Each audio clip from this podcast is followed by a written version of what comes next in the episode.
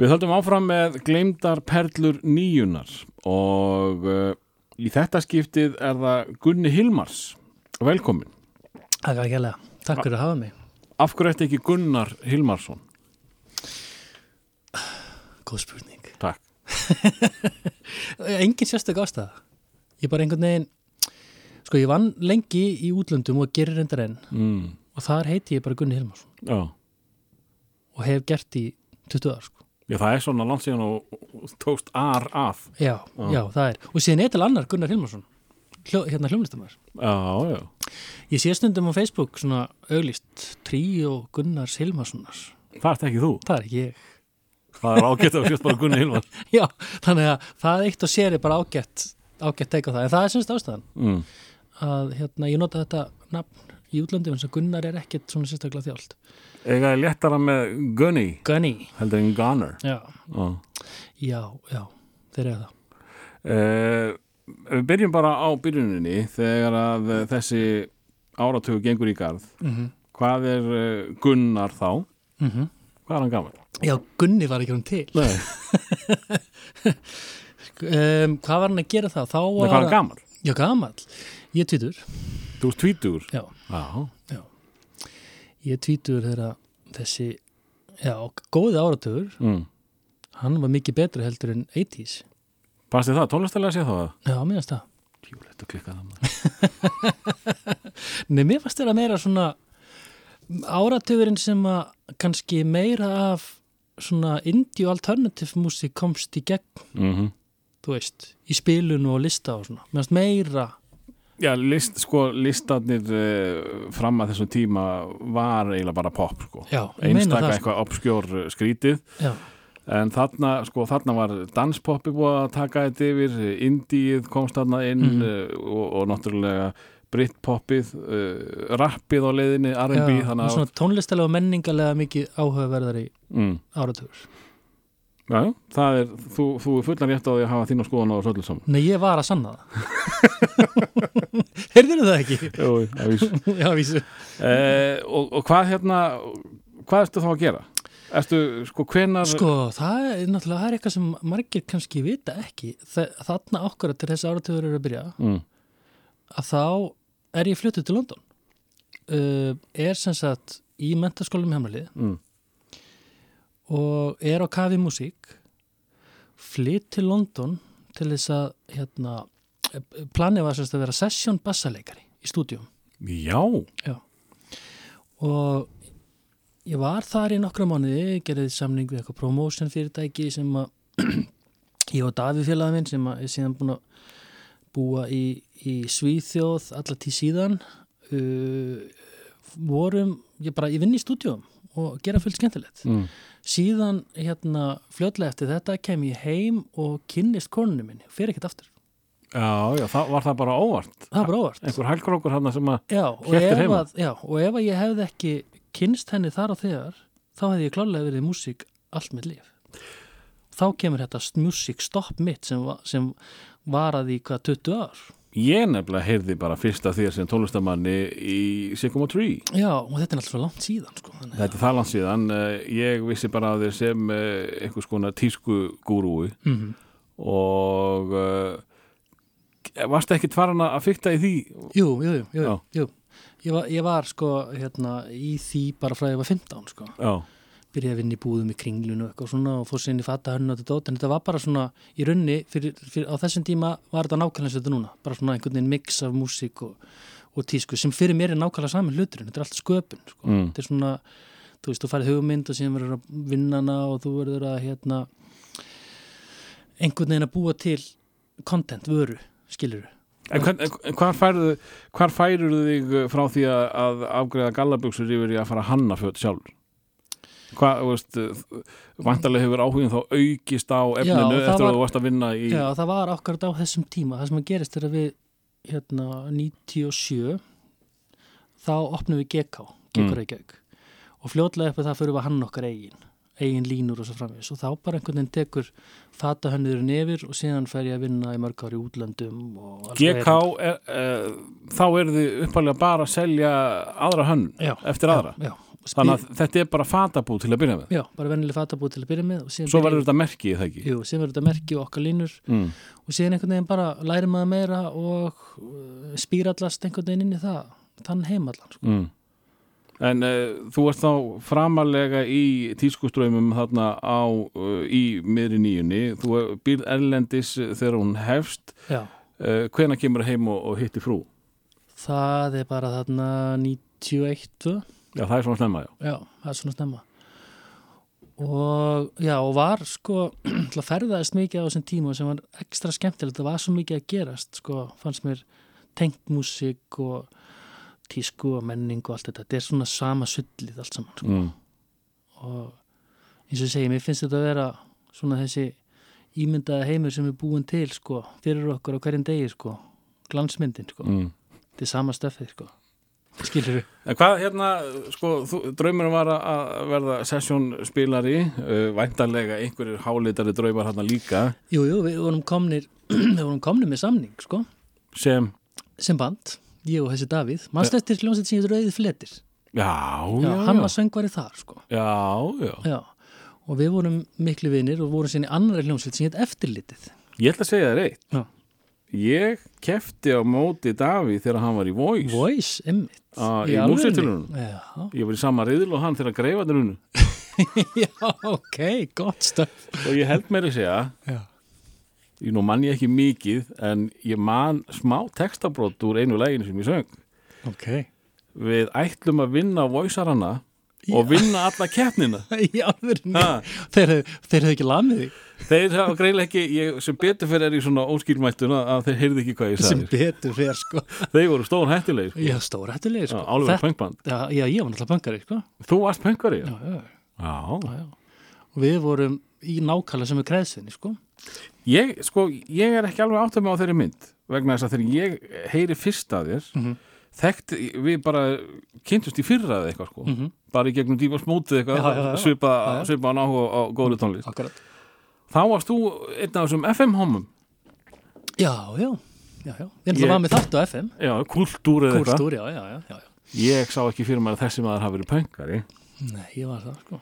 já, og hva, hvenar ákvastu að fara í ganga í lið með hinnum FM hómunum. já Það var bara þarna um þetta leiti, sko, myndi Mm. ég held að. Nei, það er svo langu vegu frá því Ég man alltaf var bara í MH skiluru, þú veist, í músiksinninni og ég veit það ekki, pöngari hippi eitthvað, þetta var svona eitthvað, þú veist, mm. sá tími, sko. En ég menna, jú, jú, það var bara, maður stóð, sko, hérna, og svo mikið að giggum á þessum tíma og maður var að spila í öllum þessum bílskúrsljómsveitum, sko, hit upp fyrir Bubb og MX21 og Hotel Borg á 50. sköldum og, Mm. og horfa allt rugglið og allt þetta, maður, ég skýði því, átt, átta mikið að því eftir að hvernig mann var hleyft inn, sko, þetta er ekki einu svona verið inn í eldursi, sko. Og einhvern veginn þetta var bara geggjað, sko, Mm. fara að horfa á sigumólana og 20 manna giggi, hérna, dúshúsi og, Já, þú upplýði sigumólana bara Já, ég bara, allt þetta sko. Já, Við varum svo ungir, veit ekki, einhvern veginn Mér fannst ég þegar ég var 15 ára að vera bara orðin 25 ára sko. mm. og einhvern veginn, tók þetta allt út snemma sko. Ok en, en þú varst aðeins komin inn að þú og Davíð hefðu verið koni með samningsdraug eða hvað? Já, við vorum bara komin með samning í, í London og við byrjaði að vinna plöti í stúdíói og ég man að skífa hann alltaf að hvernig var þetta aftur? Jón Ólafsson í skífinni fór sem fekk demo, fór til London til þess að klára þessa samninga En byrju, sko, hvernig venjulega ef að einhver, sko, sérstaklega í, í, í þá daga mm -hmm. ef að einhver útlýtingur þefaða íslenskri sveit þá var það komið, á- þá bara forsvífrétt í, í, í, í mokkon Ég er að heyra þetta í fyrsta skipti að bara fyrir að fyrsta að þú hefur verið tónlistamæður fyrst árun og fórst í, í hönnun já, já. og að þú hefur konar samning með eh, mínum helsta anstæðingi í, í, í rocksögunni. Já, Davíð í röttinni, stórhættileg menn. Sko, já, þetta var svona, þess að það sem að Jón Ólafsson í skífun á þessum tíma fer út til London til þess að klára þessa samninga við þessa menn og skífun alltaf að tengjast þessu. Síðan er það bara eiginlega þannig að Davíð vinnu minn, Mm. þessi stórvinni sem er vinnu minn en þá í dag, hann hverfur bara. Já, há, Já, hann eignast danska kæristu, pöngarinn, sko. pönkarinn, og ég bara heyrði ekki í honum í einhver ár, sko. Í einhver ár? Seriously, sko. Rakst á hann og göti kaupmanna. Þið vor, það var alltaf gerast og svo bara engin Davíð? Já, eða ekkert að gerast, maður veit ekki Nei, nei, nei, Skilurðu? en ég þú veist Já, en þú veist, jú, það var eitthvað að gerast. Ég meina, við vorum byrjað, við vorum búin að taka fullt af lögum. Já, þetta á spólu á kassettu Nú, Þetta er flott stöf, sko. Okkur leifur ekki fólki að heyra það? Að. Þetta er náttúrulega nokkuð merkilegt að því uh, sko, ég ánáttúrulega plötuna með rauðum flötum og þögna plötu finnst mér eitt besta bara íslenska rocklag fyrir og síðar. Já, já, og ég á það til að lauma því stundum hérna á, á rásina. Þetta er frábært lag. Og ég fæ alltaf rosalegt eh, hérna, feedback á, á Facebook. Já, já það ekki, já. Sko æsku vinnu minn, Kolbjörn Einarsson sem að sem að hérna var gítarleikari í rauðum flötum og er allir besti vinnur hann hérna var í þessu bandi, gítarleikari mm. og hérna við ræðum oft þessa, þessa tíma og þessi plata hérna var virkilega góð, þeir voru ekkert smá ungir Við- hérna hann Kolli var svona 14 ára þegar þessi plata var gefin út. Hann er þá eitthvað yngri heldur en Davíð það ekki? Jú, Davíð er tveimur árum eldri Já, held ég, allir Davíð sé ekki fætti 69 mm. sennilega, 68-9 og trommarinn Ingo, trommari, trommaði þetta Ingo í síðanski sól. Já, einmitt. Og Já, hérna, þetta er að fyrsta hans. Svo var það eitthvað ok, eitthvað ox eitthvað. Orgill Orgill, já. já, og það var nefnitt Kolli og, og, hérna, og, og Ingo Já, það var sem sagt bara framhaldið af flutunum það, já, já, já, og semst Davíð fór stopnaði band með mér og Kolli fór og stopnaði band með, með Ingo. Já. Og hvernig tónlist var þetta sem að þið Davíð voru að framkalla? þetta var bara kallað nýbylgi rock á þessum tíma. Já, en þegar, og við spiliðum í, nokk, í 2-3 ár sko undir þessu nafni og hvaða nafni? eftirlitið Eftirlitið, já. Já, síðan kölluðum við okkur Dave and Gunn þegar við komum til Englands Það er Gunny já, að fæðast. já, það er Gunny að fæða sko, þannig að teka það yfir en það var aðeins meira poppi ég man að við vorum unni með frábærum producent ég man allt eftir, ég var að leita hann á Facebook um daginn, Sock Sapien Mm. og var sem sagt Króati og ég man að stríði var í gangi þarna á þessum tíma sem sagt Serbia, Króati og Mm. allt þetta og hann var- hafði rosalega ágjur hann var alltaf að reyna að kontakta sitt fólk og, og eitthvað svona dótt sko Hann var að vinna með ykkur. Já. Já. hann er örgulega orðið eitthvað sko, ég veit ekki hvað, hann- undir hvað nafni hann er sko, þetta frábæð brótasent svona ég hef aldrei séð svona forritar á þig sko, Mm. þú veist, þetta var svona einn af þessum þú veist, strákanir í London voru konið lengra Já. það voru fannir að hérna prógramera allt þetta dótt og Mhm. við spiluðum hana og ég átt að kassetti sko Já, verður að lauma þessu að mér einhver tíma. já, já, það eru þarna eitt, ég hlusta stundum í þessi lag sem heitir Jericho sem að Davíð sandi, Mm. frábært lag Er ekkert reunion í kortunum? Nei, hann býr í Svíþjóð, kemur held ég bara aldrei hingað, sko. Það er bara þannig. Já. Já. Það er flottu söngvari. Já, ok, ekki það söngvari. Já. Bæði sem punk-söngvari og rock-söngvari. Já, The Voice var frábært band. Já, já, ég, ég man ekki þetta. Nei, ég, sko, fyrsta skipt sem ég hitti Voice gengið, að þá var það, hérna, það sem ég bjóði felsmálunum, að þá voru þeir lappa niður felsmálunum í áttina skeifinni, blindfullir og þeir ætlaði að berja mig, sko. Og þegar þú sérð Össur Hafþórsson og hann ætlaði að berja þig, þá ætlar, hann, hann ætlaði ekki að berja, hann ætlaði að drepa þig, sko. Ekki er það Össi sem var með ellu, nei, Jú, jú, það, er- hann var bassalegur í Voice. var hann í Já Hann var, hann er bara, hann var að summa upp bara einhverja eldgamla myndina Já, já, sko, Össur er, sko, jú, jú, bassafanturinn var hérna, náttúrulega, hérna, mínus, drengurinn, en upprunlegi bassafanturinn Og- og orðið kemur væntanlega og, já, þaðan. og le bassafantur er Össur, sko. Já, Sonur Hafþórs skóara. stór hættulegi menn hann á ferð Já, en fínir strákar, Já, sko. já, já, ég- hérna, Ég hef og sletta með þessar sko, ég hafði ekki hugmyndum að hann verið í, í hljómsið sem ég var að berjast við. Já, og hann meiri segja, setni plata, rauðira plata, Já, það voru tvær, já, voru tvær. tvær tóldámur það ekki, svona fjórulega Nei, hann var, var já, kom einn nefnilega stórplata Já, sem var gerð svona eitthvað onni hætt sko, mm. hjá þeim.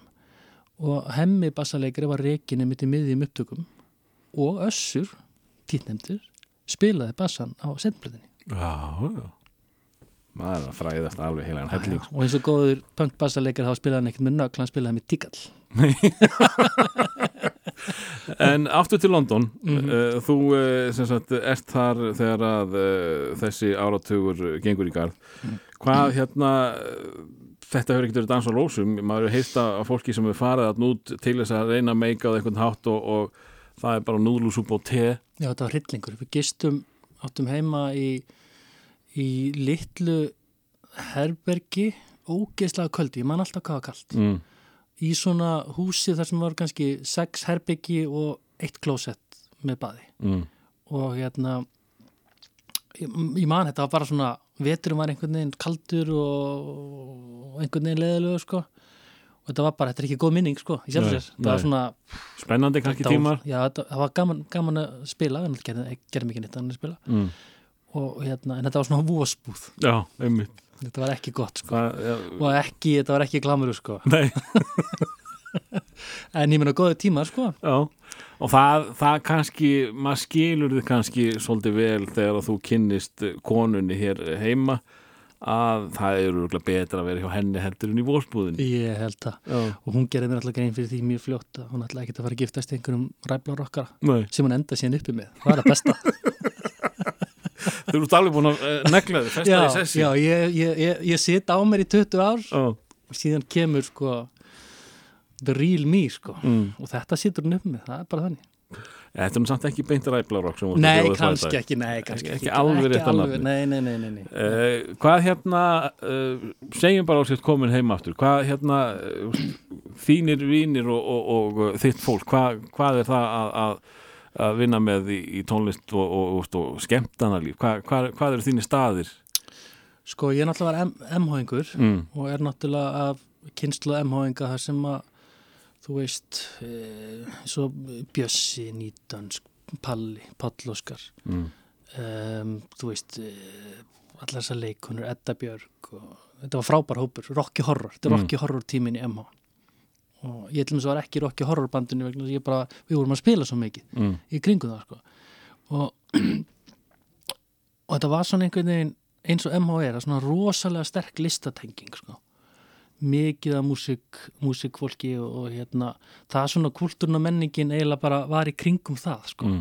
þú veist það er eina þegar upp einhverja skrýtnar bíómyndir og skrýtnar tónlist og, og eitthvað svoleið sko og að fylgja norminu er ekki mjög vel liðið í, í MH Nei, Nei. nei, nei, að vera skrítin er mjög gott það er sko. töff. Já, það er mjög töff sko. Og það er það, það er töff að það er allir eins skrítin þú komið ringin Já, það komið hringin, það er svona einhvern veginn allir eins fyrðulegur og þetta er enda svona. Já, Ég átti stráki í MH og nákvæmlega sama dæmi. Og það er eiginlega, sko, það magna. Ég er einblum mann.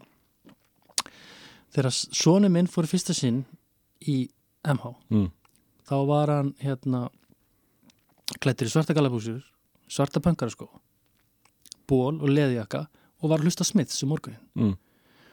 og ég horfði á hann og sagði Gauður, veistu það? Þegar ég byrjaði var ég sömbugsunum, sömu skónum sama bólnum að hlusta sama sömu músíkina. Og þetta lið heldur að sé cool.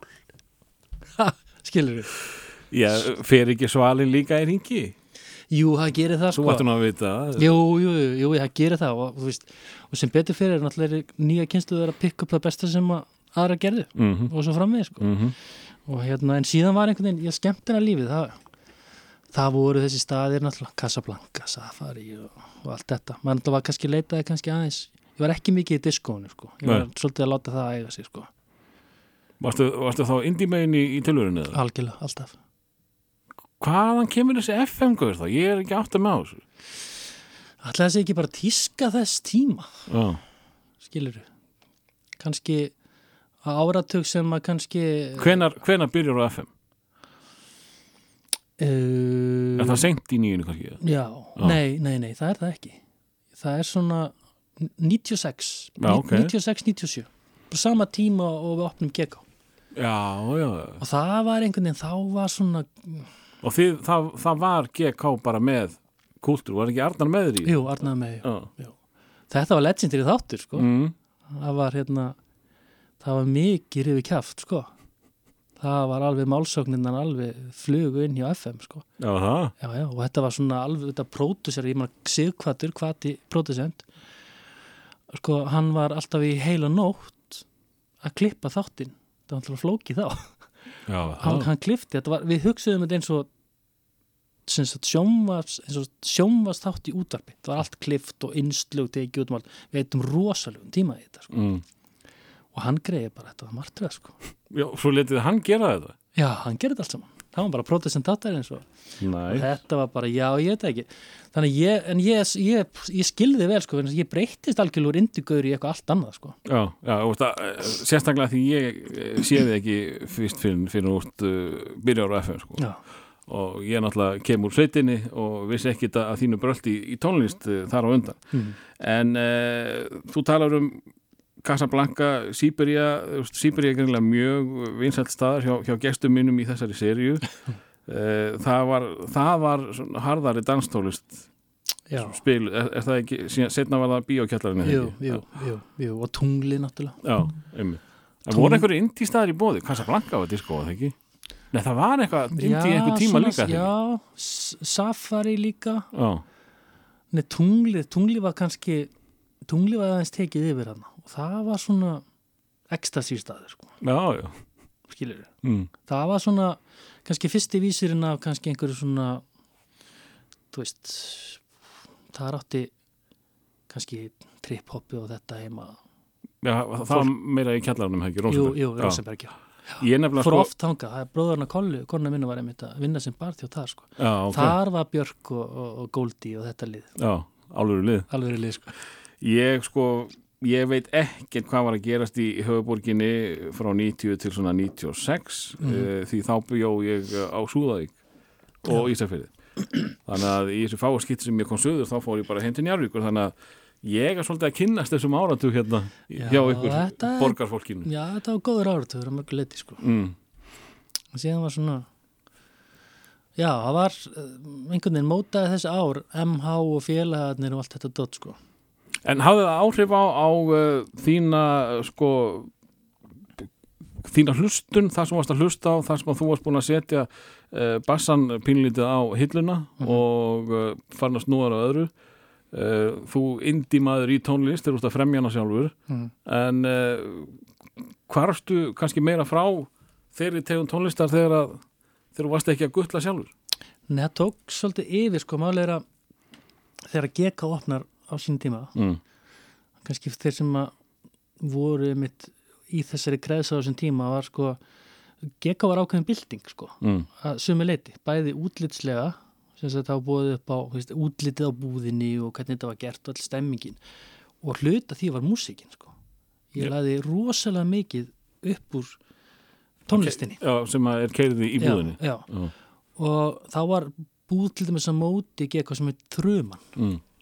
og ég var rosalega hérna, mikið að stúdera hérna alla þessa bresku tónlist á þessum tíma, þessa Bristol-sinu og hérna allt þetta, þú veist, Massive Attack og Portishead og Trip-Hopið og allt þetta dót og þetta letu við, sko, þetta þurftu spiluðu við alveg mjög háttin í gekk og alveg saman þó að klukkan væri sjö á þólasmessu. Þá voru ömmurnar að koma inn í gekk og kaupa peysu fyrir unglingin, sko, og það var bara þú veist, hart stöff í gangi og okkur var alveg saman, sko. En uh, gengur ekki bestnæðs út að, að fá krónur inn? Ömmunar út? Já, þeir eru 25 ára, viltu bara vera cool. Heyrum mér fyrsta lagið, af hverju velur þetta? Sko, um, þetta er frábært lag, Mm -hmm. um, er þetta ekki ambið lífbúl? Jú. Uh, sko, ástæðan fyrir því að ég vil þetta lag er svo að ég fór með mikka frænda mínum í frí á grísku eigarnar, hann er hálfur gríki og voru það reyðal allt sumarið. Mm.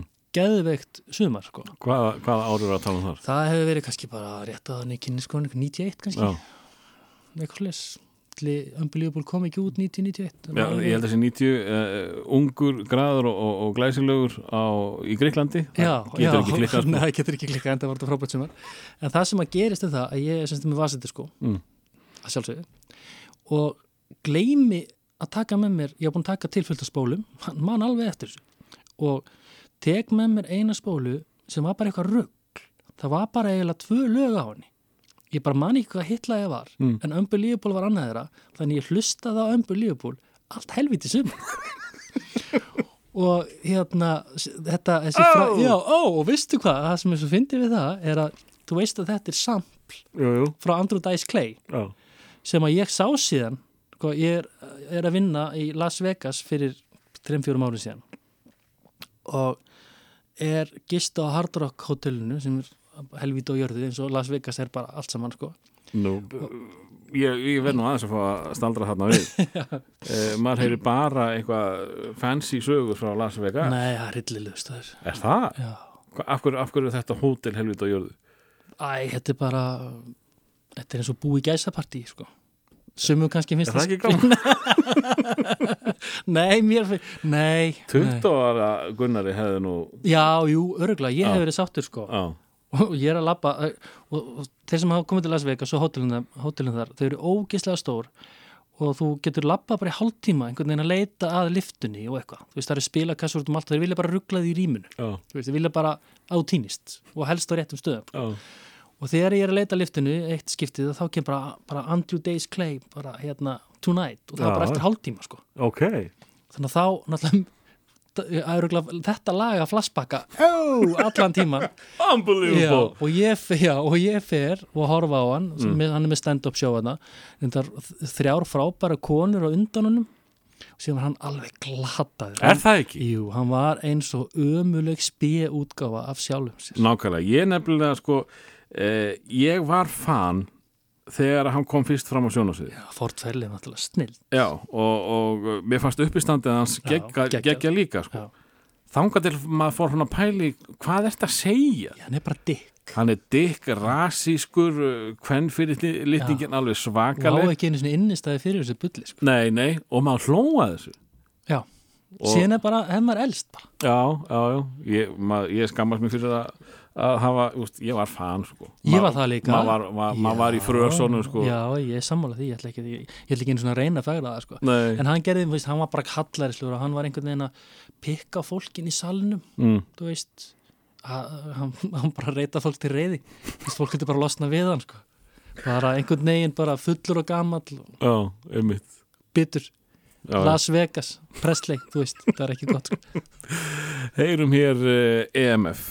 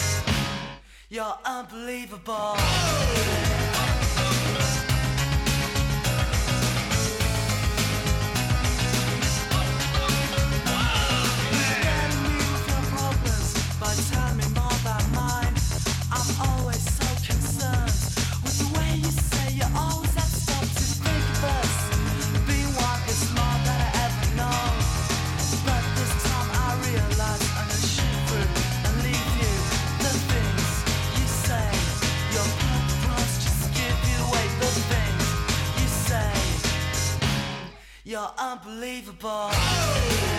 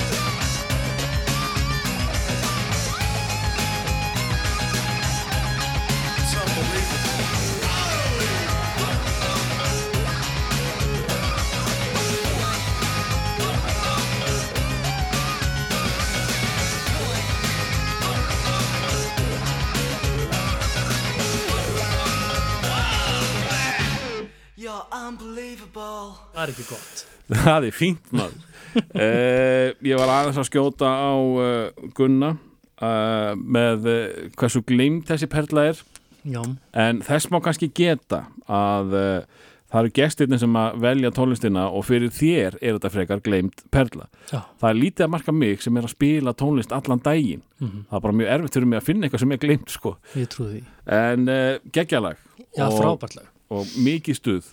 Það var ágætt að fá þess að sögu af uh, Andrew Dice Clay sem að sem er viðbjóður en mér fannst það geggja og, mér fannst líka svo Og hann sniður var ennþá í gallaböksum og hlýraból. Já það? Já, ömulegt Mér fannst nefnilega svo magnað að því maður heyrði þetta lag oft og, og það var einhverjum árum síðan sem maður heyrði að þetta væri sem sagt uh, dæsarinn að segja mm að óa þarna svona hugulega uh, GK er svona kannski það sem að þú tektastu fyrir í nýjunni. Mhm. Hvernig verður þetta til? Ég var, komast, ég var nú bara að komast að því núna meðan að lagi hljómaði að þetta var ekki samstagsverkefni þín og, og, og Arnar Skauja mm. heldur var þetta þú og frúin? Já. Já, segðu mér hvernig þetta verður til. Þú varst bara að vinna í þá einhverjum fatabúðum eða hvað? Og vantilega komin yfir í einhverja versluna stjórastöður og eitthvað Já, svona já, já, ég var farin að Hva- hvar, re- hvar, reka, reka vestlanir í kringlinni sko. Já, hverju voru þínir Ég vann sko sko, með allri músíkin og allt svo leis að þá, hérna, 24 ára gamall þegar ég hætti, þá var ég samt búin að vinna í nýju ár hjá sama manninum, sko. Já, Guðmundur Ólafsson heitir hann, heilsali og átti vestlanir í kringlunni svo hans hans í kringlunni sem var reyndið að vera opna aftur um daginn. Margir sem að mun eftir með það sko. mm, þannig að svona 20 ára var maður fann að reka hann að tvær, tvær búðir og kaupa inn og allt svoleiðis. Þannig að ég var bara einhvern veginn alveg orðin sko, kólfallin fyrir þessum bransa sko. og mér fannst og það var á þessum tíma að þá var ekkert kúl að gerast. Sko, kringlan hafði opnað þarna einhverjum tíu árum áður eða eitthvað. Og það hafði í alvörunni ekki opnið opna búð nýnir á laugavegi sem var þá í algjöri nýðuníslu bara síðan að kringlan opnaði. Hvað með 17, er það ekki Jú, 17 var á laugavegi 91 sem var eina búðin í miðbæri Reykjavíkur bara sem var e- með einhverjum smá gæðum sko. Já, sem að þótti Já. já. relevant Já, sem þótti relevant sko. Og við hérna, við kolla ákveðum að opna búð og vildum gera hana, vorum búin að vera rosalega mikið á ferðinni út af hi- hinum búðunum sem vorum að kaupa inn í og í London var Er hún í þessum bransa líka eða? já, hún er hennuð líka Og var hún það áður en að þið kynnist eða? já, Jaha. já, hún vestlunustur í 17 sko Já, já, já, já, já, já, minn sko og er ennþá, hún er hennuð sko, fatta henni sko. já, já. vinnur bara við það á hverjum degi sko. og hérna uh, erum mikið í London og þar er eins og bara með músíkina það, í London er allt að gerast á þessum tíma Mm. Músíkin, fötin og allt mútið, bara London var málið sko. eins og þú veist, Paris hefur við einhvern tíman og New York og bla bla bla Mhm. en London var algjörlega senan á þessum tíma og þar voru búðir sem voru opna, sem voru svona flottar skilur minimaliskar, gert mikið úr útliti, þetta var svona kjaftað upp, þú veist, rétta músíkin rétta fólkið skilur við náttúrulega eh, í, GK á þessu tíma voru ekki bara að vinna supermodel sko, Mm skilur, Anna Rakel til dæmis. Þú veist, og, og bara allar, skilur, þetta var allar skvísubæðin sem voru bara voru að vinna og það var bara einhvern veginn mottoði, sko. Og þurftu þá ekki að borga miklu meira heldur en maður við hliðna þér? Nei, nei, bara, þú veist, þegar eitthvað er cool þá vilja allir vera með, sko. Aha, þið ná, náðu þið strax inn sem sval, svala búðin bara, bingo? Bara opnaðin sem hún opnaði, sko. Já, og en var hún, þetta var flott, þetta var Já, cool þetta var búð. bara allt, þetta var bara algjör, algjör sprengja, þú Mm. veist, á, á þann markað, sko. Og þá, þegar við ætluðum að opna, þá kringla maður náttúrulega mjög vinsæl. Þú veist, búin að vera hann í, í einhver ár og það er bara algjörlega vonulist að komast þar inn þannig að við hérna, ákveðum það, vorum reyndar alltaf miðbæja fólk og hérna ætlum, opna niður miðbæ og allir bara, þú veist, ef við sögðum fólki frá þess að bara, eru þið alveg galin þú veist, þá hafði alvörun ekki opnað opnu búð miðbæ í tíu ár sko. mm. og þá var sagt sko, þú veist, einu leiðin til þess að lifa í miðbænum er að opna mjög nálagt 17 sem var það eina búðin hann upp á lögu 91, alveg upp á topp þar sem einhver risa túristabúlaði núna Mm. og við vorum ekkert langt á, langt frá því lögum við 66 og einhvern veginn, fólk kom bara nýri bæ og smátt smám saman myndaði stemming niður í bæð, opnuðu fleiri búðir um leið og við opnuðum og síðan tók svona þrjú, fjögur ár þá til að komið svona laugadags stemming í bæ og poppi búðir og svona yngra fólk og svona meiri svona kultúr sko. mm. og þetta var alls ekki fyrir sko. og við eigum bara stórum hluta því ok, því væpi sem, að, sem var á, á þeim tíma og þá einhvern veginn færiðist orkan sko á laugaveginum þá var skilur við milli GK og þá var bara frasin okkur þú voru að opna bara milli GK og 17 einhvers þar mm. og þannig að það var besta og, og niður frá bankastræti og allt það, það var slömm þá sko, já, sem er bestu plássin núna síðan setna þegar við erum að opna búðir Andersson látbúðina, þá erum við að gera á lögu við sjö þá var slommið komið upp frá sko. mm. þannig að þú veist, þú horfir á ekki lengra tímabil en þetta en sko, miðbærin breytist bara gjössanlega, sko. Mm og sama tíma koma barir og veitingastæðir, mikið af kaffihúsum og, og einhvern veginn svona, þú veist, Damon Alban gemur allt verið töff, sko. skilur En uh, sko aðeins af, af búðinni sjálfur þið, þið Mm. byrjið bara með kallmenni það ekki? Jú, síðan opnum við konubúð upp í kringlu. Og síðan saminu við niður frá einhverjum árum síðar og stækkum búðina á laugaveginum og þar eru gekkomenn og konur á sama stað mm. uh, Til þess að ná rétta fólkinu mm -hmm. uh, voruð að skjóta fötum að, að já, þekktum andlindum Nei, aldrei menn þurftu bara að koma með seðil strax í, á fyrsta degi Já, Aha. það fekk engin fekk engin afslátt eða nýtt gefið eða neitt svoleiðis. Nú, það er ekkit annað Nei. Grjótarðu businessmaður Grjótar, já, já, þetta var alveg það kom ekki til grín En úst, varstu, varstu svona fullur af sjálflega að þú vissir að þetta myndi ganga? Þú varst ekki trættur um herðu, ég verða að ná allan einhverjum eintökum uh, verða, þessi maður verður að sjást á djamminu í jakkofötunum mínum. Jú, jú, við öruglega, ég man það ekki sko. Við höfum öruglega haft miklar af þessu. Mm. Ég bara, þú veist, þegar þú ert þarna 24, 24 5 ára þá er þeir ekki bara alveg sama? Já, þú veist, ég get ekki klika if it fail, já, það klikkar, þá Já. ég ég er svo sem hugsa ennþá svona, sko, ég veit ekki ég er bara ég veit ekki, ég er bara hafa gaman, sko. Mm. mér finnst sko þeirra leðilegt þá finnst mér ógeðslega leðilegt Já, já, og ég nenni því ekki, sko. Og ég hef einhvern veginn alltaf bara verið í því, sko, mm -hmm. reyna að hafa skemmtilegt, sko. Ef að fá næsta? Já, heyrðu, Madonna. Sko ég sko, Madonna er sko pingur svona guilty pleasure hjá mér. mm. Hún er náttúrulega fyrsta lagi stórlega vanmetin listamæður. Mm. Sko, svona tónlistanörd og tónlistamæður eins og ég er að ég, þegar, þegar ég heyri eitthvað flott ég fyrir alltaf að pæli hver semur þetta, hver gerir þetta hvaða influensar eru, með einhverjum vinnur og svo framvegs, það er fullt þú veist aldrei nákvæmlega þú heyrir eitthvað cool er þetta artistin sjálfur sem er að búa þetta til eða er artistin búin til af einhverjum öðrum? Mm skilur hver er sagan, hvað er á bakvið sko. Já, sem skiptir öllu máli. Skiptir öllum máli, sko. Þú veist það er krítensið sko, í, í, í listinni sem að sko, og, og hvað er dræf listamann sér sko. og Madonna er eina af þessum sterkum flottu konum sem er bara í, í hún- hún stjórnar sínu ferli semur, hérna, semur sína músík, velur sér prótesendana og hendir þeim hægri vinstri og hún fíla það ekki, mm -hmm. experimentar hendir hérna, halvum albúmum ef hún er ekki fara rétt að leið og svo frammeis Vist, hún er, hún er mikið, mikið betri listamæður heldur hún fær hérna, kredit fyrir sko. Já, einmitt, einmitt og mér fannst þessi og ástæðan fyrir ég hef þessa plötu sagt, já, þetta lag af þessari Light? þetta er- af Ray of Light sem var ógæslega cool plata Frábær plata Frábær plata. Örgulega besta platan hennar sko já, ég hugsa það Uh, hún og þessi þarna á eftir allavega þessi tími var hennar mm. svona, svona artistic prime fannst mér en ástæðan fyrir því ég tek sérstaklega þessari plötu og þetta lag er, sá, er það að þarna er, er fyrsta skipti sem ég heyri nafn sem er, er Rick Knowles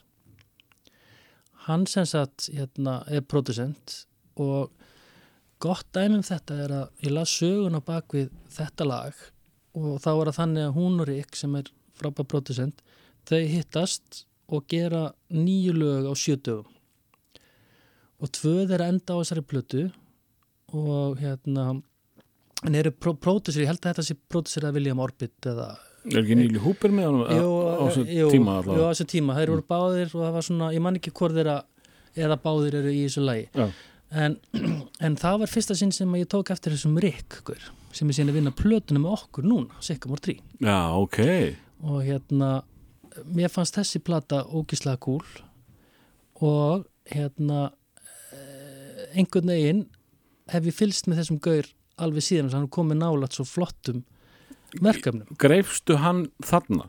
Já, og hefur fyllt, fyllt honum eftir síðan þá? Og, og nappað hann síðan sjálfur? Já, já, já. Og hann hefur sko, hann hefur tikkað upp hjá mér á nokkru móment, hann alltaf unni mér mjög mörgum, þú veist að listin er endaleg sko, en það sem að mér er á svona mismöndi áratugum sko, á þessum áratug var hann að vinna eins og til dæmis með henni og hann gerði hérna stóru plötunar með til dæmis Dito sem voru náttúrulega risa sennilega mest seldu albúm sko, með þeim á þessum, þessum tíma mm -hmm.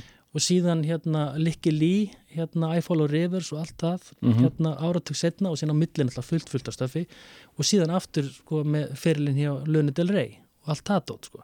já, já. Þannig að þarna hérna, fyrsta sinn sem ég heyri þetta nafn, ég hef alltaf stúderað þetta, hver er á bakvið hvað og hver semur með og hvernig er þetta gert og, og svo framveg, það er sko, ég er brjálæðslu nörd í, já. Í þessu sko. Og ég átti nú samtal við Rikka eins og um um Madonni og hann líst henni hérna ágætlega. Hann sagði she's a great artist, she's also a great poem. Já. hann var að gefa henni kredit bara fyrir honum var, er hann bara svo dilla skilur bara á þann hátt skilur já. en hún fær ekki kredit fyrir það út af því kannski hvernig hún kemur fram og gerir hlutina og svona. Já, ég hef ekki heilt marga rýna í textan hennar Nei, nei, textan Páll svo sem ekki- Óskar, jú, Já, Páll Óskar. hann er hrifin af textanum hennar. Já, en þetta lag er til dæmis þetta er gott lag. Hérna, Þarna líka á þessu tímafili hún var búin alltaf sló í gegn með annari plutinni hann, Like a Virgin. Mhm. uh, það var svo lítið um díteila framan á ferlinum, ferlinum hennar mhm, uh, í þessu lagi er fullt af einhverjum skrýtnum hljóðum mhm, sem að hefðu aldrei heist á fyrstu plötunum hennar. Nei, þannig að ég ætla nú að gefa uh, hvað er hann, Hooper eða Hopper og Já. þessum Rick uh, kredit fyrir að, að gefa okkur meira heldur en bara lægi Já, og ég held líka sko það sem að sko, ég veit að líka bara að, hérna, að, að researcha það, hún var undir áhrifum sko, bjarkar á tímbili sko. já, já, já, já, og fekk hann náttúrulega til þess að semja eitt lag fyrir sig. Já, já, hann að bedtime, bedtime stories eða ekki? Bedtime Story, Story, já, Bedtime Stories. Já, já. flott lagrendar geggja lag ekta bjarkarlag já, sko. maður, maður fór aðeins að kafa aftur þegar hún var 60 blessunum á dögun Já, ég, heyri, ég var eitthvað búin að heyra að hún ætla, að droppa albúmi á, á, á þeim tíma. Hún er ekki gert það. Hún var búin að segjast alltaf að gera það sko en hún er ekki búin að því, þannig að eitthvað hefur hún er ekki verið sátt. Nei, hún er ekki verið sátt. Þetta er hérna þú þarfst að vera, þú að vera góðu við henni eða þú ætlar að komast á hennar hlið sko. það, það þarf alltaf að vera tip-top Ég væri til að drekka kaffi með henni. Ég veit ekki hvernig þú þóraði hún myndi vera að setja út á eitthvað. Ég myndi vera hrættu við hann frá fyrsta degi. Ég hugsa það, ég hugsa það. En þetta er svona, og hún náttúrulega á, þú veist, vídjóin á þessum tíma, hún, hún, á, hún átti þarna 2-3 ár í 90 sem hún átti. Hún var drottningin, sko. já, Hún var Beyoncé, sko. já.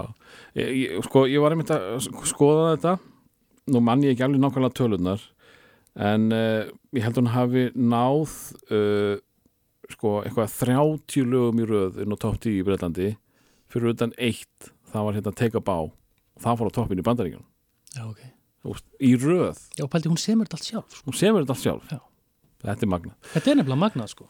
heyrum hér uh, The Power of Goodbye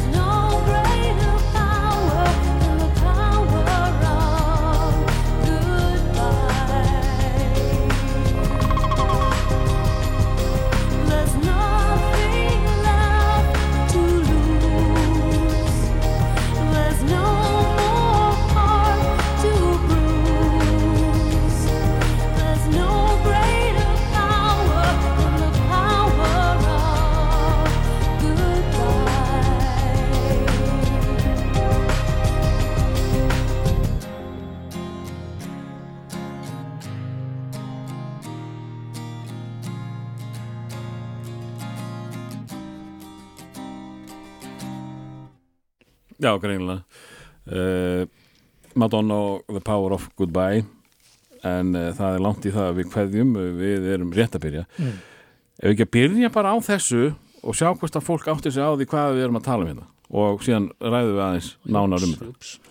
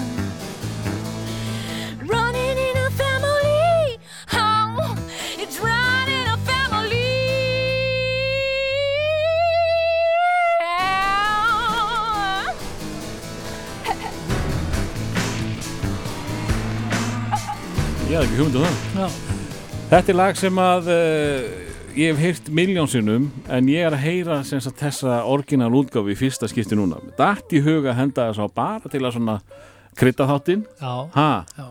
við höfum svo mikið fyrir að krydda þetta aðeins. Þetta er sem sé Tori Amos og Professional Widow. Og þetta var uh, rís, þetta er náttúrulega langstæsta lagið hennar. Já. Hún svolítið að reyna að vera Kate Bush af vísu. Mm. en uh, lagið sem að var svona vinsælt kemur uh, henni voðra lítið við. Það eru örfá línur úr þessu lagi. Já. en uh, þú valdir sem sé Arman van Helden remixið. Já, bara mér fannst þetta svo flott lag mm. og líka fyrst og fyrst að tala um útvarpið sko. Já, þegar maður var FM-hommin sko. Þetta er ekki mitt nafn Pétur Jón Sigfússon talaði alltaf Já, já, þetta er bara, neini minn, þetta er bara sena þú veist, þetta var gott sko. Veist, þetta var bara sennilega súrasta sena sem að hefur verið til sko í æ, einhvern veginn, þetta er svona jafn, jafn sko steikt og 80s var að sömuleiti, þetta er svona hápunktu 90s, þetta er svona dreguða hallaræslegasta fram úr hverjum áratug. Þá var FM senan á styrum Já, þegar hún var upp á sitt já, þá var, besta þá, já, þá, var var hún svolítið skrítin sko. já, þá var hún sko hápunktur og lágpunktur á sama tíma, Já, þú veist. Það hápunktur á meðan það var en lágpunktur í í retrospekt sögunni Já, skilur við Og það var, við vorum með hennan tísku menningu þáttinn kúltúr og þetta var svona síðasta lag fyrir fréttir sko. Var þetta loka lagið ykkar eða? Já, Já. við elskuðum þetta lag og, og þetta lag við þurftum að eh, hérna, kjafta þetta, að við gerðum þegar við byrjum með þáttinn þá fórum við fram á það að við mættum segja hvað sem er og gera hvað sem er og mættum spila hvaða músík sem við vildum Sem er nú ekki venjan á FM, nei, trúðu nei, mér nei, ég veit það og þú veist, okkur var skýt sama og þetta lag var ekki FM lag sko veist, þetta var, þó þetta sé ekkert hart núna og heyrir þetta, mm. að þá var þetta þetta var ekki það sem þeir voru að spila sko. Beidu, voru þið svona svakalega kvöldustu kallandar í, í hverfinu? já, við vorum það, Þannig að, sko, við vorum með viðtöl sem voru bara alveg þú veist, það var svona nei bara fá þetta í gegn. Við gerum það sem við viljum, við spilum það sem við viljum. Já, af því FM hefur ekki verið mikið fyrir að bekina það, ég meina var- vinsal, langvinsalasti þátturinn á stöðun í dag FM 95 blöð, Mhm. þurfum alltaf að spila playlista, Gils fær eitt eitthvað steralag og búið sko. Nei, við, hérna, þetta voru bara skilmálar sko. Já, ég var náttúrulega, þú veist já, þetta var, þeir, vil- við, þeir vildu fá þetta prógram sko. Mm, og Bússi sem var dagskustöðu þegar við byrjuðum hann var bara að kaupa þetta. Hann vildi setja okkur sín í sjónvarp sko. já, og það var búið að bjóða okkur það sko, var tísku menningu þáttunni kúltur átt að fara í sjónvarpið og allt að og, og hérna alls konar plönum það og okkur var búið það og ég sagði alltaf nei. Og síðan einu sinni að þá, hvort er mann ekki, stöð 2 held ég það átti bara tísku menningu þáttunni kúltur átti bara að fara í sjónvarsútgáfi og ég og Arna Gautir náttúrulega erum hérna, bestu vinnir og höfum verið þarna í 30 ár sko. Og ég held hann sé ekki ennþá búin að fyrirgeða mér. Ég sagði bara, ég vissi alveg hvað myndi gerast þegar þú ferðið sjónvarp sko. Þá kemur yfir alls konar ógæfa sko. mm. Þú veist, þú verður ógislega þekktur og, og hérna allt sem að þú hérna gerir, sérstaklega á þessum tíma það bara voru svo fáir sjónvastættir einhvern veginn og þetta var alveg bara analysera sko. Ég bara vildi ekki fara í þessu sinn. Þú veist, ég bara treysti mér ekki í það ég, bara, ég hafði, hafði ekki áhuga á því, því, því, hérna glíslífi það var ekki fyrir mig sko. en það var hins vegar mikið fyrir hann. Mm. Og hann fekk þessa sína ósk upp, sko, uppfyllt á nokkrum mánu setna þegar hann var innlit útlit maðurinn sko. Alveg rétt, þá, alveg rétt. þá tók hann þann ring og, og, og, og, rungaði hann alveg eins og hægt var sko, orðbræði sko. en þetta var bara ekki fyrir mig. Veist, ég sagði bara nei og ég man að alveg brjála að reynda að kjafta mig í kjafta þetta hérna í marga daga, sko, jú, genum við gerum þetta þetta verður geðið gaman, þetta verður örgulega geðið gaman en afleggingan að verða þú veist, þetta er svona Pandora's box sko. mm, einmitt, einmitt. Ég bara, Ég hérna, sko ég, hef, ég veit ekki af hverju en ég og Arnar vorum vinir í einhvern smá tíma þegar við vorum krakkar. Ég hann alltaf keflingingur Já, og en ég er Njarvík, hann er, var hann ekki í Njarvík garðinu með Njarvík Já, hann var allan að í einhver tíma var hann í Njarvík Já. en ég var einmitt að reyna að rifja þetta upp þegar hann slæri í gegn sko, þú veist, af hverju tengi ég við hann? Ég hef ekki ennþá fundið það sko. Nei. þegar ég hitt hann tíma Nei, hann er einn af þessum sem að þú veist, það poppa alltaf upp karakterir og til sem verða frægir fyrir að vera frægir. Já, já, já, já, hann er nú ekkert endilega einn af þeim. Já, eða skilur það er svona þú veist, út af hann er svo mikið fígura sko. Já, hann er mikil fígura en uh, hann hafði náttúrulega allan að þann grunn að hann kemur úr tísku heiminum og, eitthvað já, og já, þú veist, eðlilega var einn af þessum tísku löggum. Já, já, já, já, orðið tískulögga var bara fundið upp fyrir okkur tvo sko. Já, það, og við, sko, staffið í GK á þessum tíma var, þau voru í svörtum kvartbuxum háum skóm hvítum skýrtum, svörtum bindum sem stóð á tískulögga já, ok. Og síðan bara hart tripp upp í búðinu og þú komast bara inn og bara, hvað í anskotanum er í gangi hér, sko? Og þetta virkaði. Þetta virkaði. Nema þeir sem voru að vinna um jólin, þeir voru í sama dressi nema stóð jólastrákur á bindinu. vel gert. Já, já, en þetta, sko, og þetta professional vittólag er hérna, var svona síðasta lag þáttarins mm. og hérna er bara drullu flott og svona, þú veist, þú varst að spila orginal þarna áðan en ég veit ekki út af hverju þessi útgáfa var þannig en sem sagt, þegar hún gefur út singulun þá eru 2-3 mix sem fylgja með Mm. og það er á meðal þetta Armand van Helden mix sem kemur síðan út held ég sko einhvern tíman síðar, síðan sem singull sko, sem aðal lag sem aðalag sko og þá fer það sko í fyrsta sæti í Breitlandi eitthvað og verður, veist, hennar eina eina topplag sko. mm. eh, sko, það er líka gaman að heyra orginalútgáfuna vegna þess að hann tekur svo rosalega lítið Já, úr henni, það eru bara nokkra sönglínur. Já.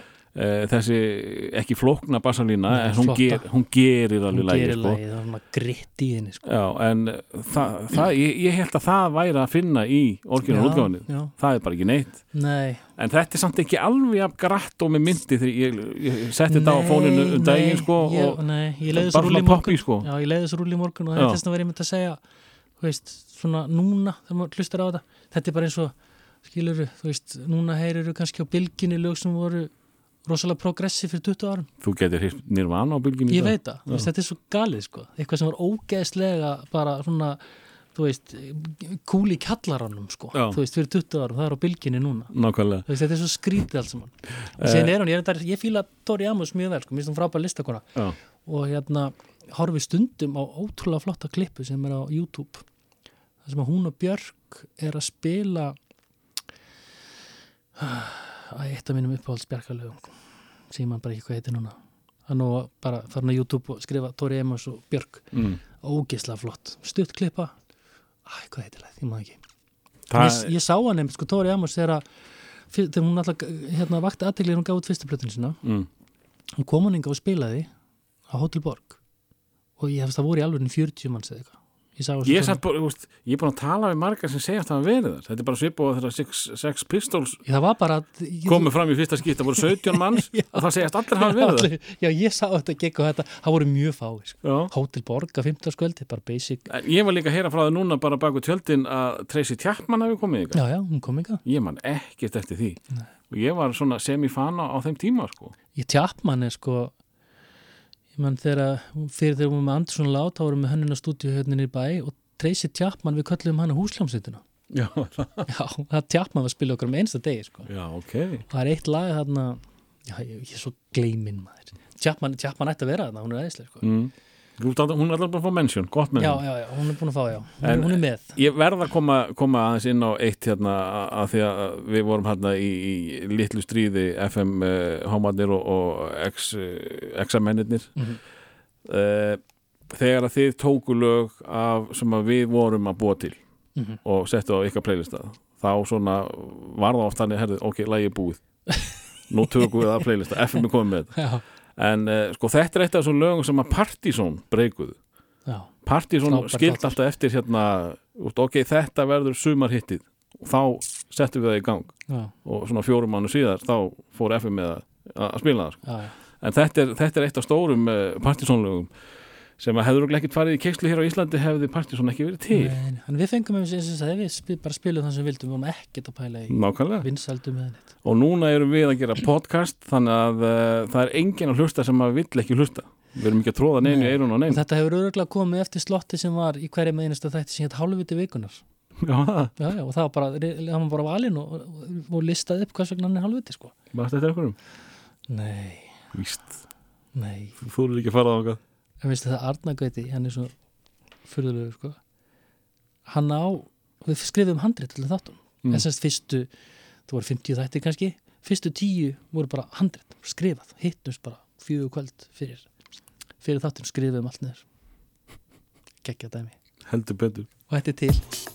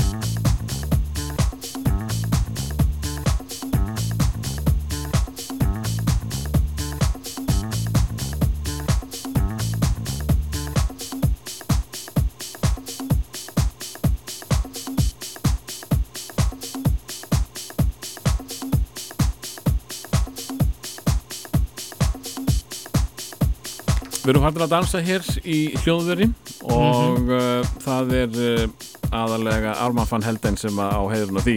Fekk hérna aðstóð hjá uh, Tóri Amos Já, ég hafi nú ekki gert mikið í þessu. Hann? Þessu lagi, nei, Tóri. Já, einmitt. En uh, sko að því við erum að fara að spila hljómsveit sem að spila hér á tónleikum uh, eina af mínum uppáðstónleikum hér heima. Já, uh, Mast eftir einhverju skemmtilega sem þú sást á, á þessum tíma, lifandi? Vá. Þú varst náttúrulega í áttunni að sjá síkumólana með Já, fjórum öðrum. Já, nei hérna Hvað heit staðarinn? Hérna Dús. Dúsús, Já. vá. Fórstu þangað? Var Ég fór þangað þegar það var sko, alveg búið að vera Ég er náttúrulega bjóta landi Já, salurinn sko litli, eða semst þetta var svona ránkalar og salurinn, músiksalurinn sjálfur hann tók í alvörun ekki nema kannski 30-40 tímas. mm -hmm. Hann var sjúklaða lítil og sigumólni voru alltaf að spila þar og það var tróðið, þú veist, það var 100 mann sett inn í 30 manna sal. Já, já, þetta var síkumólar og ham, Ham, mikið já, sko já, já, já, og svona svarkvitu draumur og bleiku bastarnir og þetta dót. Þú veist, það var rosalega flott svona indie sena á Íslandi á þessum tíma. mm. svona alveg byrjuninu á á 90s sko eða sem sagt á þessu bara alveg þarna 80s, 90s þegar 80s er að þinnast út og 90s að taka þá er, er cool sena í gangi það var ekki mikið af, af erlendri Nei, það var lítið um það. Já, það var rosalega lítið af, af, af erlendum artistum að koma að spila. Já. Það var bara, ég get eiginlega bara eiginlega ekki til neinu sko.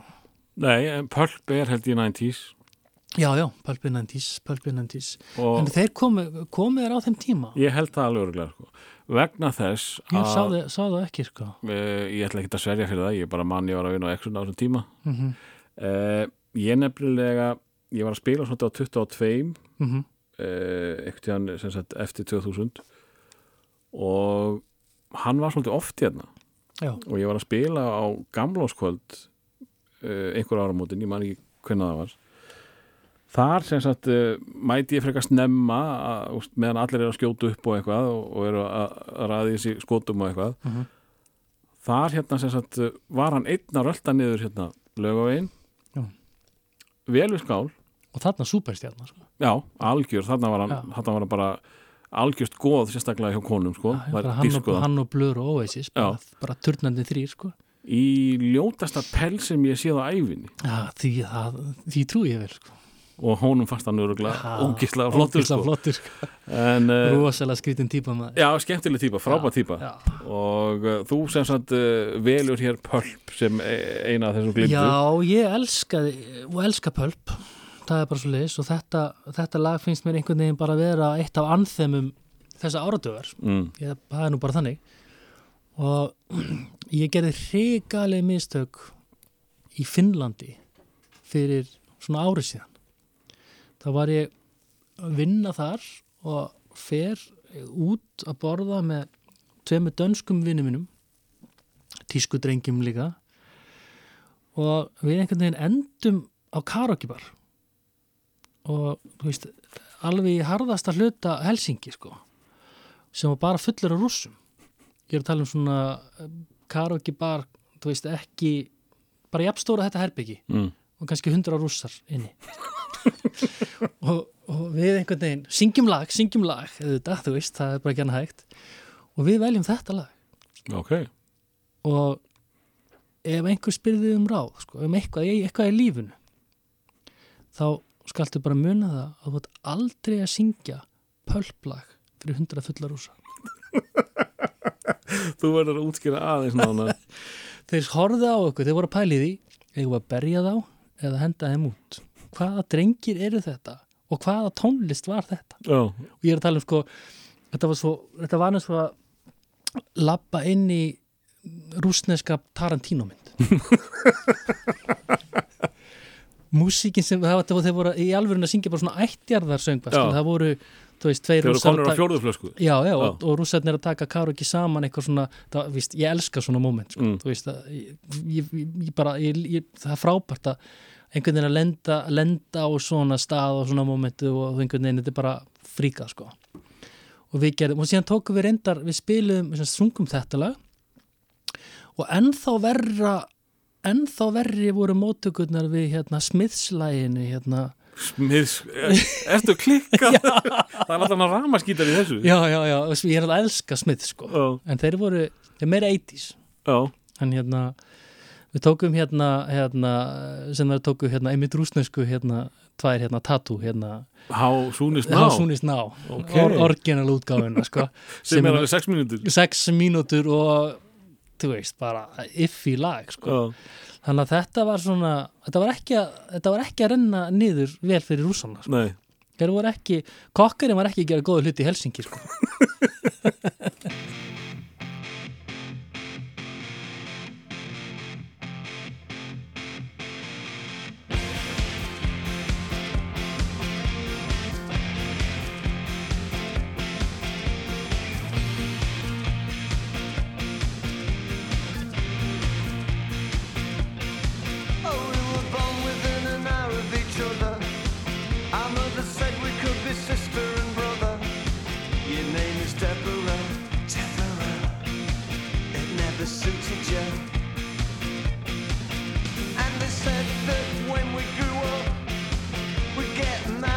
and never split up.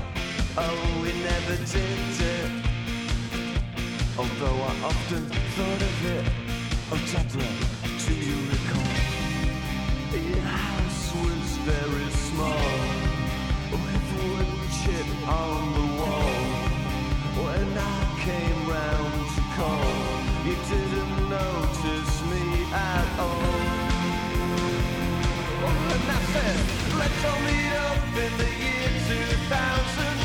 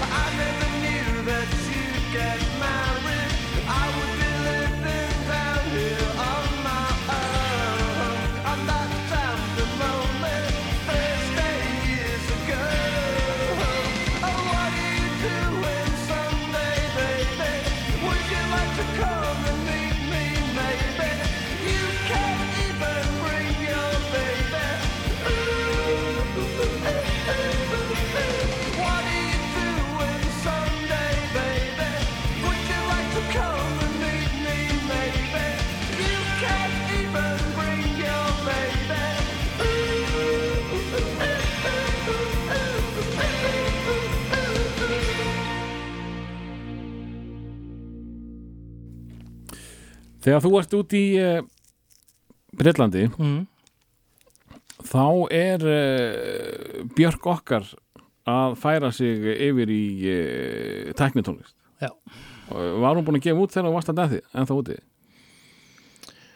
uh, Varst eitthvað vitt af ykkur hæpi í kringum? Nei, Nei. nei, nei, ég man ekki hvenar Hún var búin að syngja eitthvað þarna Já, sigumóldu voru náttúrulega sko, eh, fólk vissi hver allt, náttúrulega allt öll súsena, sigumóldu alltaf, ég, hvenær kemur tipp út út? Ég held að sé 91 Ég ætla bara að fara hérna á Wikipedia og Já. kanna það sko uh, En uh, Allavega plata, sko, tvö kemur út held í 95 Nei, Allavega er 93 fyrsta 93, já, já, Já. 95, þetta er aðeins setna, sko. Já, einmitt 95 kemur síðan post, sko sem mér fannst klálega bara yfir allan heiminn eitt af besta albúmum þessara, hérna, þessara áratögur, sko Já, hún er náttúrulega alveg geggjur hún er geggjuð og platan sem kom eftir henni líka sko, Já, homogenic homogenic Já. bara, þú veist, vá því líkar blöttur sko eh, En eh, að vera íslendingur erlendis snemma í nýjunni það var ekkert, þú varst ekkert merkilegur ekki Nei, svo í dag nei. eða var kannski það var nákvæmlega ekkert vera íslendingur ekki neitt Nei. Nei. Nei, vá, finnir þú að segja þetta. Það er bara nákvæmlega ekkert vera íslendingur í nýjunni lappandi á strætum Lundun og einhvers, hey, where are you from? Iceland. Og það er bara, ok. Það er ekkert svona, wow, hey, wow, ok, nice I wanna go there, mm. eins og allir segja sko. Já, ekkert, bara bara þú veist, engin rödd hinum einn En nú ertu mikið að ferðast um heiminn. Eh, eh, Er Ísland ennþá töff? já, rosalega Já, sko hérna, einhver litur vegna að þá Ísland er svona eins og jólin sko. já, þú veist, þú ert búin að búa til einhverja fantasi um jólin sko. síðan þegar jólin koma þá er þið öðruvísi sko. mm. en Ísland er svona að búa, búa til þú veist, Ísland í hugum útlendinga er ekki til þannig skilur skil ekki skilur ekki, Ísland á að vera bara svona það sem allir eru ógeðslega cool, þetta er ógeðslega arti og allt er svo töff og Allir eru allir, álfar og allir eru álvar og allir eru að gera svo geggjað og síðan þú kemur til Íslands þá er bara þú veist, þetta er bara fólk að vera í vinnuna í tvekja herbyggi íbúið í líðunum sko. Þú veist, þú er ekkert sérstaklega töff sko. veist, e, það, það, það sem ég meina sko. veist, Mm. þetta overhypaða Ísland í, í augum útlendinga sem halda við síðan bara öll einhvern veginn Björk eða Sigur Rós eða eitthvað skilur það er ekki til í sjálfið sér sko. Nei, nei, nei, nei. En Ertu ertu þá að skinja mikil vombriði? Nei, nei, Nei. nei, nei, ekki þannig sko. Þú veist, náttúrulega þú talar við og talar við þúsund útlendinga og allir segja, þú veist, literally allir segja mér langar að fara til Íslands, það fara tveir skilur, Já, þú veist. Einmitt. Við náttúrulega finnst, okkur finnst vera mikið á túristum minna en í, þú veist, í, í, í, í spektrumi alls heimsins er þetta náttúrulega bara brota, brota, brota, brota, brota Einmitt. Þú veist, þú veist, þó okkur finnst allt vera overflowed Já, náttúrulega því fyrir 20 ára vissi enginn hvað Ísland var sko. Nei, nei, nei, nákvæmlega. Það var náttúrulega, veist, við hérna, ég leik mér stundum að því að segja, þú veist, já, ég menna við, jú, við búum í snjóhúsum og gerum þetta og þetta og fólk trúðu því, sko, Já, einmitt. Þú veist, á þessum tíma meir sér ekki lengra síðan, það bara, já, þannig er þetta bara, þannig er lífið þarna, sko. Já, ok, En við getum alveg sagt, eins og ég hef oft sagt sjálfur uh, ég er búin að greina þetta og, og uh, mína greiningar er nú ekkit engin vitleisa nei, við viljum þetta réttar uh, Ástæðan, uh, sko það er að kenna einni mannesku um allar þessar helvítis lundabúðir. Mm. Það er þessi kona sem að spila næst. Björk, Það var ekki til ein lundabúð á Íslandi ef að Björk var ekki til. Mm, nei. Ok, Sigurmólandir komu og fóru, voru töff. Björk kom og gerði Ísland að töff. Hún hjálpaði svo mörgum öðrum Íslendingum að verða töff elendis ég Björk er bara, hérna algjör pæjónýr sko. algjör, og uh, og á svo réttan hátt, maður ekki gleyma því, sko. Já, hún hefur alltaf talað rétt um þetta, alltaf dásama hún er að dásama það sem að við erum að selja útlendingum í dag. Veit, það er málið, sko. Pælti því, já, pælti ég við hefðum til dæmis lendi því að stæðsta hérna, ef að Björk hefði verið Aqua já, frá Danmörku eða Ace of Base frá, frá Svítjóð það hefði verið fyrsta stóra meikið okkar í alvörinu, þú pælir í því sko. já, já, þú veist, stóra meikið okkar var svolítið eins og þjóðin er og við viljum vera þú veist kannski pingu skrítin og Já, ég meina hún er, sko, ef við höfum leitað eh, á Íslandi af rétta andlitinu til þess að vera andlitið út á við, rétta andlitið, mm það er eiginlega engin annan sem kemur greina, þú pælir í því. nei, ég er alveg hjartanlega samanlega sko. Og er- þessi atriði þrjú sem að eru náttúrulega langlangstæðist, Björk Sigurós og For Monsters and Men Mm. sko, þetta er nú ekkit venjulegt fólk. Skilur við, þetta, þetta er ekkit venjulegt þú veist, þetta er ekki eins og ég segi eh, jú, ég menn, þetta, er- þetta er venjulegt fólk en þetta er ekki ABBA eða, eða Ace of, þetta er, ekki, þetta er svona eccentric fólk með rosalega flotta listræna Já, vísinni þau sem voru það er að svona gera. vinstra megin, svona on left, left side. já, já, Þetta, já, þetta er, þú veist, já, útrásun okkar er vinstri græn, sko, Mm, skilur við nákvæmlega. og hérna, síðan að það fyndi það, sko hún Nanna, söngkona of Monsters and Men er sláandi lík Björk í Já, útliti. einmitt, já, það var ekki að skemma mikið Nei, nei, það eru báðar svona eskimóa legar í útliti, þú veist, rosalega flottar, hérna flottar fallegar, hérna, konur sem að sem er ótrúlega tilviljun þú veist, það skulle ekki vera kannski veist, ljósærð einhvern veginn, mm Mhm. rauðar eða Já, eitthvað, nákvæmlega. eitthvað skilur þannig, sko. Þannig að við erum ótrúlega heppin að þessir listamenn, þessi frábæri listamenn að þeir hafi brotist í gegn, sko. En ætti, sko, ætti íslenska Ace of Base einhvern séns? Þurfum við ekki að vera svolítið öðruvísi til þess að komast inn? Jú, en það hefði alveg eins getað verið Ace of Base Ace of Base kemur frá Svíþjóð Já, já. já við, við eigum náttúrulega, sko, öldu sem að náði einhverjum tveimur lögum inn á topp 5 í Breitlandi. mm sem á fá- þessum tímum mitt. Já, og þú grúir ekki með það í þættinu það er glind perla maður. ég heldur betur. En uh, af hverju þetta lag af öllum uh, Bjarkarlögunum uh, já, fyrir mér með fullur virðingu fyrir Björk þá fannst mér hún best í nýjunni. Sammála því. Ég er svona pínlítið hættur að skilja hana. Já, ég, ég er sammála sko, ég er mikill bjarkamæður mm. og sérstaklega í já, í nýjunni hlustaði ég rosalega á bæði hérna, ég hlustaði alltaf debut mikið og post og homogenic þessi seria er náttúrulega hennar allra besta. Og mér Mm. finnst þessi þegar hún er komin í þessa plötu og homogenic eftir hún er komin í heim sem er svo ótrúlega flottur. Þú veist, ég er náttúrulega sko, Sycamore Tree er svona uh, þú veist, við viljum skap búa til heim sem er einhvers konar sambland af svona einhverju melankólu og strengjum og einhverjum hlýhetum Mm. og Björk á besta degi hérna, hún fann þetta upp sko. nákvæmlega. Þú veist hérna, Isobel uh, Bachelorette svo, og fullt af lögum í þessari séri já, jóka, maður. Þessi, þessi þrjú lög til dæmis eru bara fyrir mér er það allra besta í músík sem til er. Það er tilfinningar, textar útsetningar, strengi þetta er allt svo smekklegt. Þú veist, það er þú veist, þú hefði getað farið með þessi lög í allar áttir og þú hefði getað hlaðað, hlaðið ona á þetta alls konar en snildin liggur í því að draga út aðal elementin sko. mm -hmm, og hún er best í því sko. En stundum tekur hún í setni tíð að það voru hún að taka full fá element já, einmitt. Þannig að hún er svona og ég sammálar, mér Björk eh, síðustu tværplötur valdi mér vonbreiðum sko. Mm. Listrænt sterkar En þetta er sama hvað hver segir eitt af allra besta sem að Íslendingur hefur uh, gert í gegnum tíðina. þetta er þvílíksnilt Ég man bara þegar ég heyrði þetta fyrst, ég var svo stoltur, ég var svo ánægð með að vera Íslendingur. já, Það er Íslendingur sem gerði þetta. já, ég sammála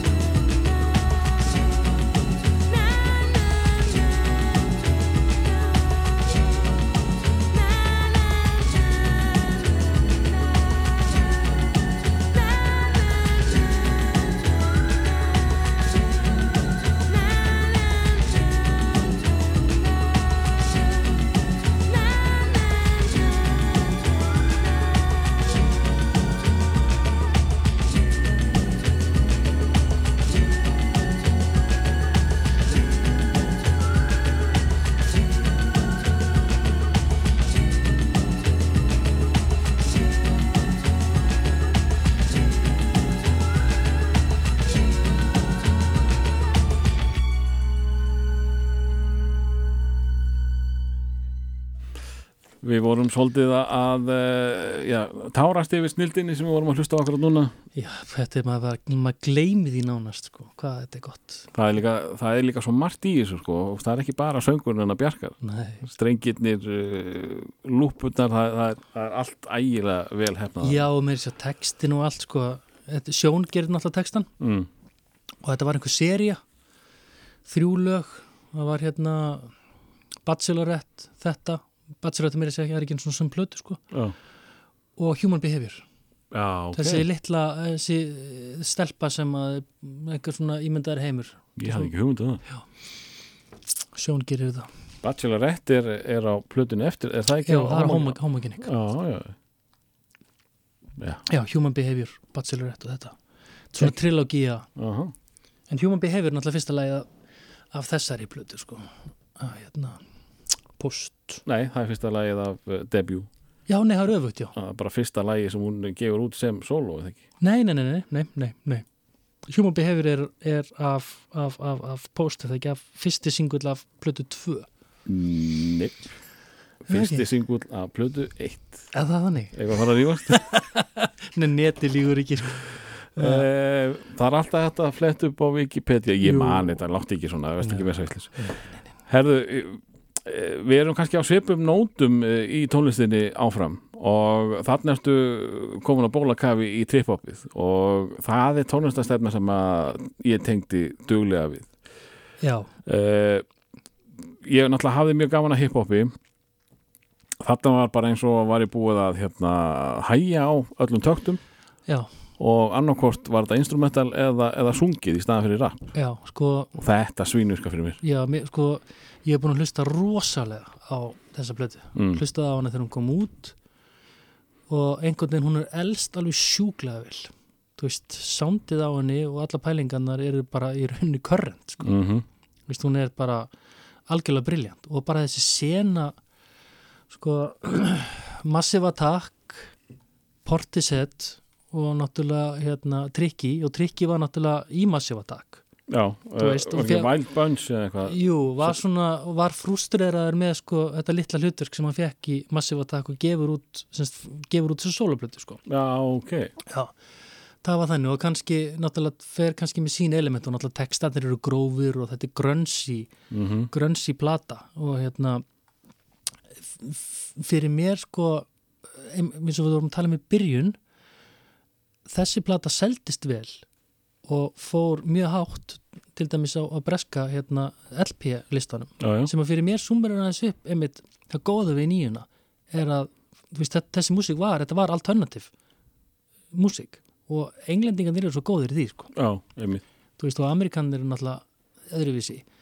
Og þessi sko bara er, þessi plata er bara fyrir mér einhvern veginn bara ei, ei, ef ég myndi velja tíu besta album í alveg sögunni sko, þá færi þessi allavega hún, hún finnst hún betur endur en Dummy? nei það eru báðar Já, dömmi er náttúrulega frábær sko. Ég var náttúrulega í portusetliðinu með hérna, þetta sampl sem að veist, kom út á, á svipuðum tíma. Mhm. man ekki hvað, hvað það hétt hjá, hjá portusett ég held þetta sé hérna eða ekki Isaac Hayes sem að á, á þetta stef sem er hann undir. Mm og fleiri búin að nota það síðan sko. En uh, þetta er sem sagt uh, Hell is round the corner já, og þetta er náttúrulega mjög skrítin stíl og mjög skrítið að þetta verði vinsalt yfir höfuð það er mjög skrítið og sumt á þessari plötu er svona einhvern veginn sko, svona afrísk væp ofan á trip-hoppið einhvern veginn og, og þetta er bara grjóthart sko. -hmm.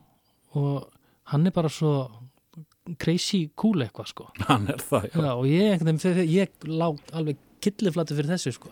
Eh, Svo náttúrulega skemmtileg íslensk tenging við eh, þessa plötu að Raka Gísla syngur þarna aðal- aðalrödd í einu lagi Já. og, og bakgröti öðru já, og hérna hún sagði mér einhvern tíðan sögun á bakvið það lag uh, You Don't held ég að heiti Mhm. að uh, Trikki banum að koma þarna var hún að gera þarna tónlist með Jack Magic and the nei, Raka and the Jack Magic Orchestra Já.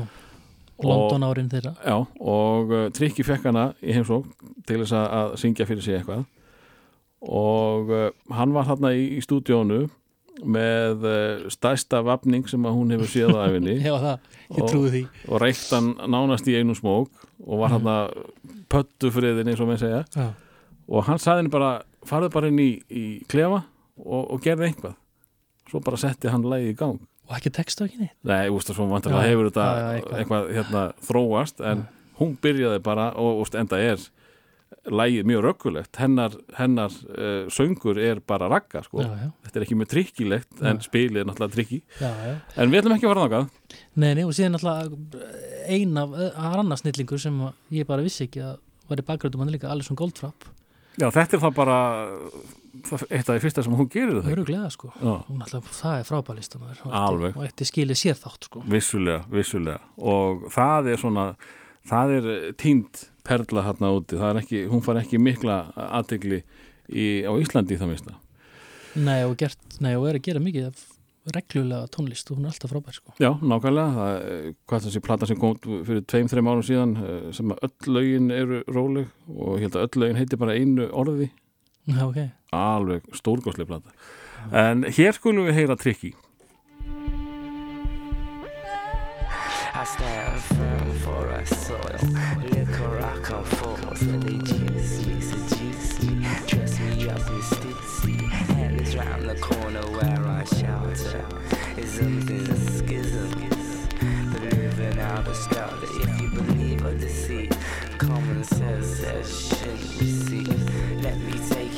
the corridors of my life. And when you walk to, you walk to your preference. No need to answer till I take further evidence. I seem to need a reference to get residence. A reference to your preference to say, I'm a good neighbor. I trust to judge me from my labor. The border me ensures my good behavior. Constant struggle ensures my insanity. Passing the ignorance ensures the struggle for my family. We're hungry, beware of our appetite. Distant drums bringing news of a kill tonight. The kill which I share with my passengers. We take our fill, take our fill, take our fill. I stand firm for our soil. Liquor I come they juice Different memories, details of Asian remedies, conversations of what's become of enemies. My brain thinks bomb like, so I listen. He's a calm type as I grow. And as I grow, I grow collective. Before the move, sit on the perspective. Mr. Quail in the crevice and watches from the precipice. Imperial passage. Heat from the sun someday slowly passes. Until then, you have to live with yourself. Until then, you have to live with yourself.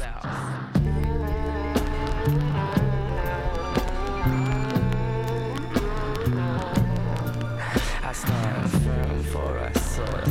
Liquor I come forth, they juice me, seduce me, dress me up in stupsy.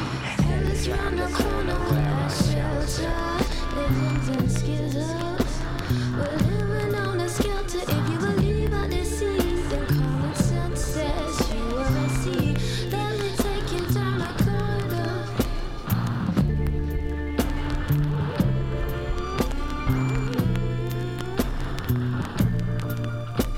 My brain thinks bomb like, bomb like. My brain thinks bomb like, bomb like, bomb like. My brain thinks bomb like. Beware of our appetite.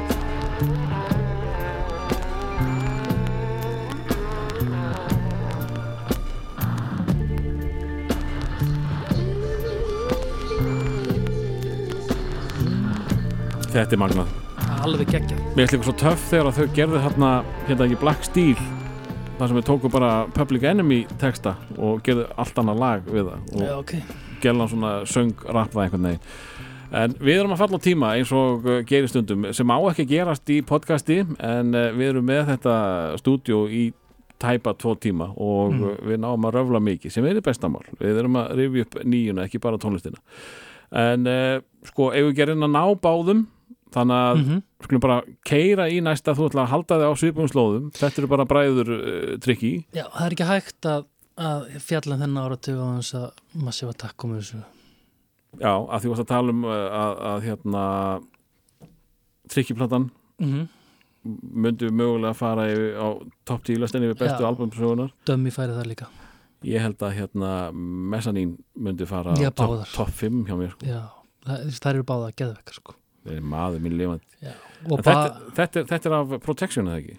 Jú, þetta er að protection. Já, Mér fannst það einhvern veginn bara þetta lag svo, svo eh, það, þetta er lag sem ég hlustaði rosalega á. Þannig, en ég geti tekið í alvörunni tíu lög með, með Ég massífa takk sko. þú veist og þetta er einhvern veginn þessi tími fyrir mér sko. Er þetta sound sko? Og þetta er bara svo ógeðslega gott. Þetta er slæ Já.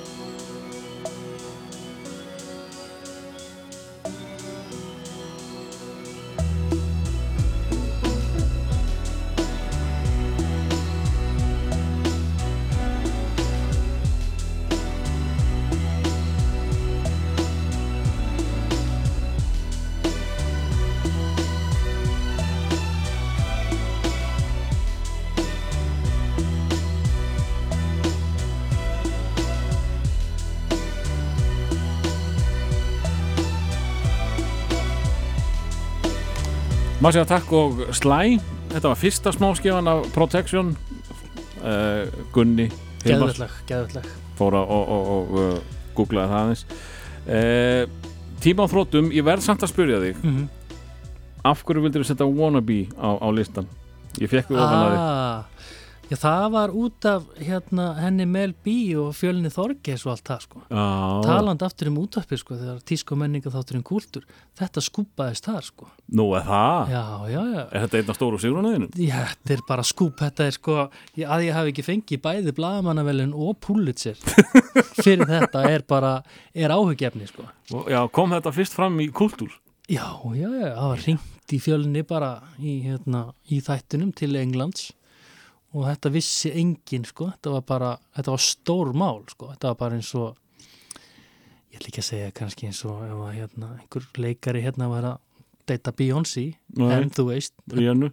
hjá Ríhannu, já, Já. einmitt, þetta er bara einmitt, nákvæmlega, sem big deal, sko, eða þú veist, já, og hérna, því var skúpa þar og það var svoleiðis allt vittlust. En lagið er náttúrulega fokk leðilegt, sko. Já, já, svona Já, Batsins tíma batsins tíma, sko, og síðan náttúrulega hitti maður hana nokkur sinnum og fjölnir og ágætsvinnur okkar og, Já, það og allt svoleiðis, sko. Og hvernig, hvernig stúlka er hún, er hún með? Hún er fjörug. Já, er hún skeri? Já, Já, já, já. Já, hún var, já, skeri. þetta var svo mikið big deal, mannst eftir þessu. já og hvað hérna fóru fréttastofu landsins að ringi ykkur? Já, það var allt vittlust allt vittlust og hann alltaf veitti bara eitt viðtalum þetta sjálfsögði tísku menninga þetta um kúltúr Já, var það? að sjálfsögði, Og var, voru notað kannski klippur í, í fréttatímum frá ykkur? öruglega þetta var, nei, þetta var bara út um allt. Þetta var allt brjálað. Þetta, staðist að skúp nýjönda árið þegar ég skeldi minn ég er nú sættur um það. Ha, Fínt að enda þetta á stóru skúpi að hann skúpaði já, Já, það hann hafa það hreinu sko. uh, Við að enda þetta á uh, já, sankalluðum Anthem. Já, það var eiginlega bara ástæðan fyrir að ég sett það inn. Þetta Mm. er bara anþem nýjönda áratöðurins allt, allt hæpið og vittlisann allt tekið bara í eitt lag og hérna einhvern veginn, það besta og vesta af þessum áratög er í þessu lagi einhvern veginn sko. Já, mikið að lager og, og allir sátti allir sátti sko, já og bara þú veist, allir kallarinn á ekstasi sko. Þú veist, droppa E og þetta sko. Er þetta enda á sterkari nótum, ég veit það ekki. Gunni, Hilmas Takk kærlega fyrir að setja þetta með mér og rifja aðeins upp nokkra sögur frá nýjunu og fullt af fínni músík. Mínir ána Bad